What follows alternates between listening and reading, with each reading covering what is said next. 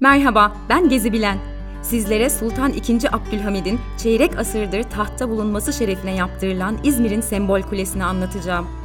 Konak Meydanı'nda 25 metre yüksekliği ve muntazam mimarisiyle dikkat çeken İzmir Saat Kulesi, şehrin simge yapılarındandır.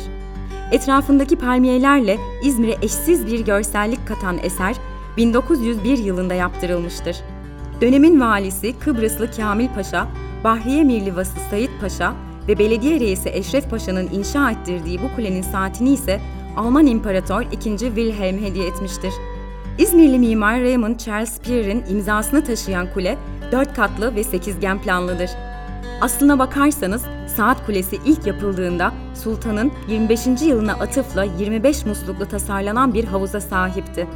Ancak havuz günümüze kadar ulaşamamıştır. Buna rağmen İzmir Saat Kulesi hala zamana meydan okumaya devam ediyor.